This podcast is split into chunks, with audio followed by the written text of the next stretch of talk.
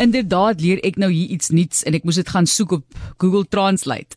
En al wat hulle mee voor voor 'n dag kom is bruin vis, maar die woord is Vaquita tornyne en dis Marike Massin, die uitvoerende bestuurder van Osaka Sea World wat met ons gesels oor daardie kreatuur wat op die rand van uitwissing is en wat gedoen word om die wêreld se kleinste tornyn te red.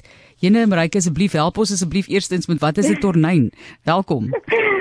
Dankie Martelies. Ag weet jy ons ek is nog altyd mal oor tornyn en ek dink as ons sê vir mense die Engelse woord natuurlik is 'n porpoise, sal mense weet, jy weet dit is eintlik 'n dit is nie dolfyn nie, maar dit is 'n 'n see soogdier en dit is 'n klein dolfyntjie, maar dit word genoem 'n tornyn of soos jy sê 'n bruinvis en party mense ken dit ook as 'n seevarkie wat by spesifieke oulike terme is of selfs 'n seekoei. En dit is 'n soogdier wat in die orde val van die tandwalvisse. So soos ek gesê het, basies 'n baie klein dolfyntjie en dis vreemd want in Nederland noem hulle die wat ons nou sal sê hawe pop is is die hawe tornyn is 'n bruin vis wat glad nie sin wat maak nie want dit is nie 'n vis nie en dit is ook nie bruin nie maar hulle word nou maar bekend is wat bekend as die bruin vis en daar's baie van hulle in die Noordsee veral daar in Zeeland waar ek gebly het. Maar die woord tornyn kom ook van die Hollandse woord vir tuna vandaan wat tonyn is. Want hulle lyk van ver af amper soos 'n tuna dis 'n lekker kompakte lyfie. Um, maar nou hierdie Wakita tornyne is die kleinste van al die spesies en hulle kan omtrent so tot 1.5 meter lank word en hulle is baie uniek en inheems in Mexiko, so aan die noordelike punt van die golf van Kalifornië. En in 1996 het die internasionale Unie vir Natuurbewaring, die IUCN soos hulle ken, hulle rooi lys van bedreigde spesies het hierdie um, tornyne as kritiek bedreig verklaar. Nou die volgende kategorie na kritiek bedreig is uitgewis in die wild en dan die laaste kategorie is heeltemal uitgewis. So laas week het die internasionale walvisjagkommissie wat die International Whaling Commission is wat nou jare en jare walvisse eintlik beskerm, het hulle 'n waarskuwing uitgereik wat jy sê weet hierdie wakitas is nou heeltemal op die nippertjie en staar uitwissing in die gesig. Ehm um, ietsie moet daar daadwerklik moet gedoen word. En maar ons weet dit nou al lank, soos ek sê in 1996 is hulle juis kritiek bedryf verklaar. Maar die eerste omvattende wakita opname regdeur hulle geografiese area en, en hulle kom in 'n klein area voor is gedoen in 1997 en toe het hulle beraam dat die bevolking maar net amper nie eers 570 individue is. Dis nou wêreldwyd dan. En toe 10 jaar later toe doen hulle weer so so populasie op bevolking um, aanname. En dis dit omtrent 150 En toe nou nog 10 jaar later, dis hulle nou so minder as 20 individue oor, miskien eers 10 nie. So as gevolg van hierdie voortgesette tempo van van byvangs en ons gaan nou bietjie praat hoe kom hulle so dit in in 'n kritieke toestand is en hulle reproduksie wat nogal stadig is is is natuurlik nou neem ons anders nog steeds amper net 10 oor ter wêreld.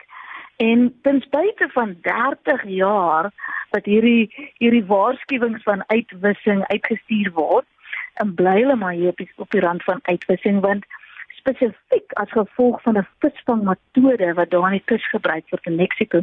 En dis wat ons nou ken as die gillnets in Afrikaans die kiewernette wat 'n soort visnet is.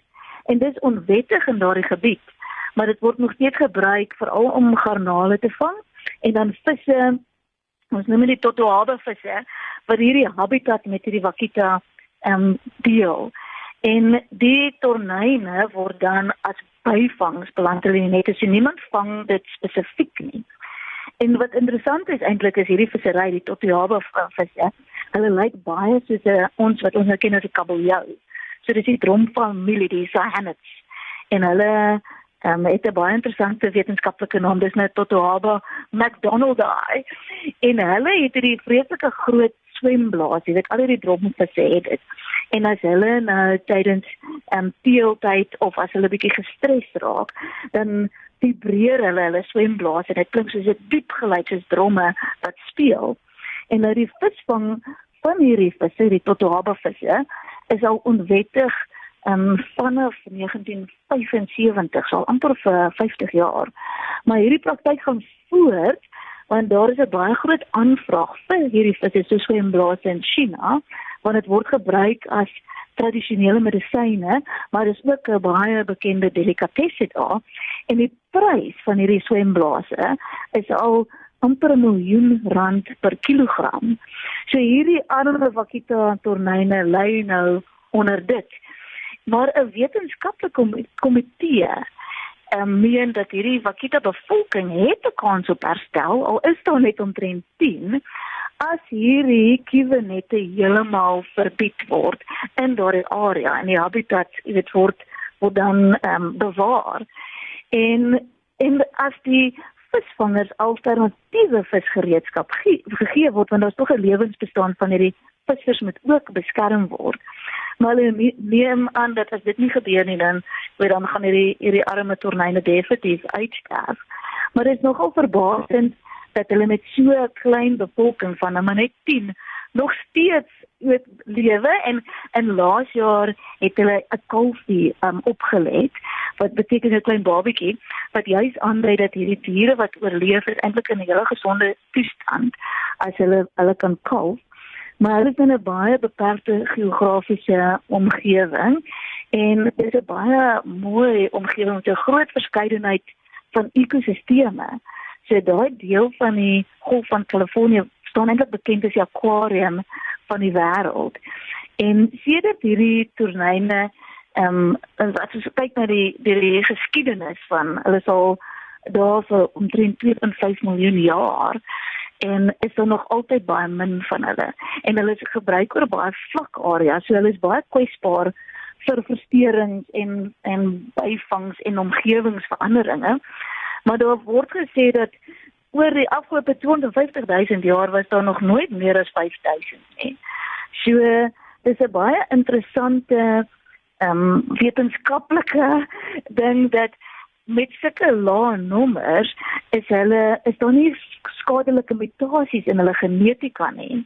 So daar word geglo dat hulle het een of ander manier uitgefigure hoe om hulle lewensduur en hulle bevolkingsgroei aan te pas en nie skadelike genetiese variasies te wys nie. En as gevolg van dit is hulle kans van oorlewing eintlik goed as mens daai kiwinette jy weet heeltemal op hul gebruik. In feite hulle glo dat daar net 'n 6% kans sal wees dat dit heeltemal uitsterf as die kiwinette uitgehaal word en dis eintlik 'n goeie ding. So die daar's 'n internasionale komitee van die herstel van die wakita en hulle het aanbeveel dat sommige van hierdie wakitas moet beskerm word in in groot seehokke. En toe noem hulle hierdie program die Wakita CPR en in 2070 het hulle tweeetjies gevang en die een is omtrent onmiddellik dood van al die stres en die ander een het hulle toe gou vrygelaat. So hulle het agterkom die enigste manier om hulle te red is juist om hierdie visvangmetode heeltemal te beheer en en te skrap.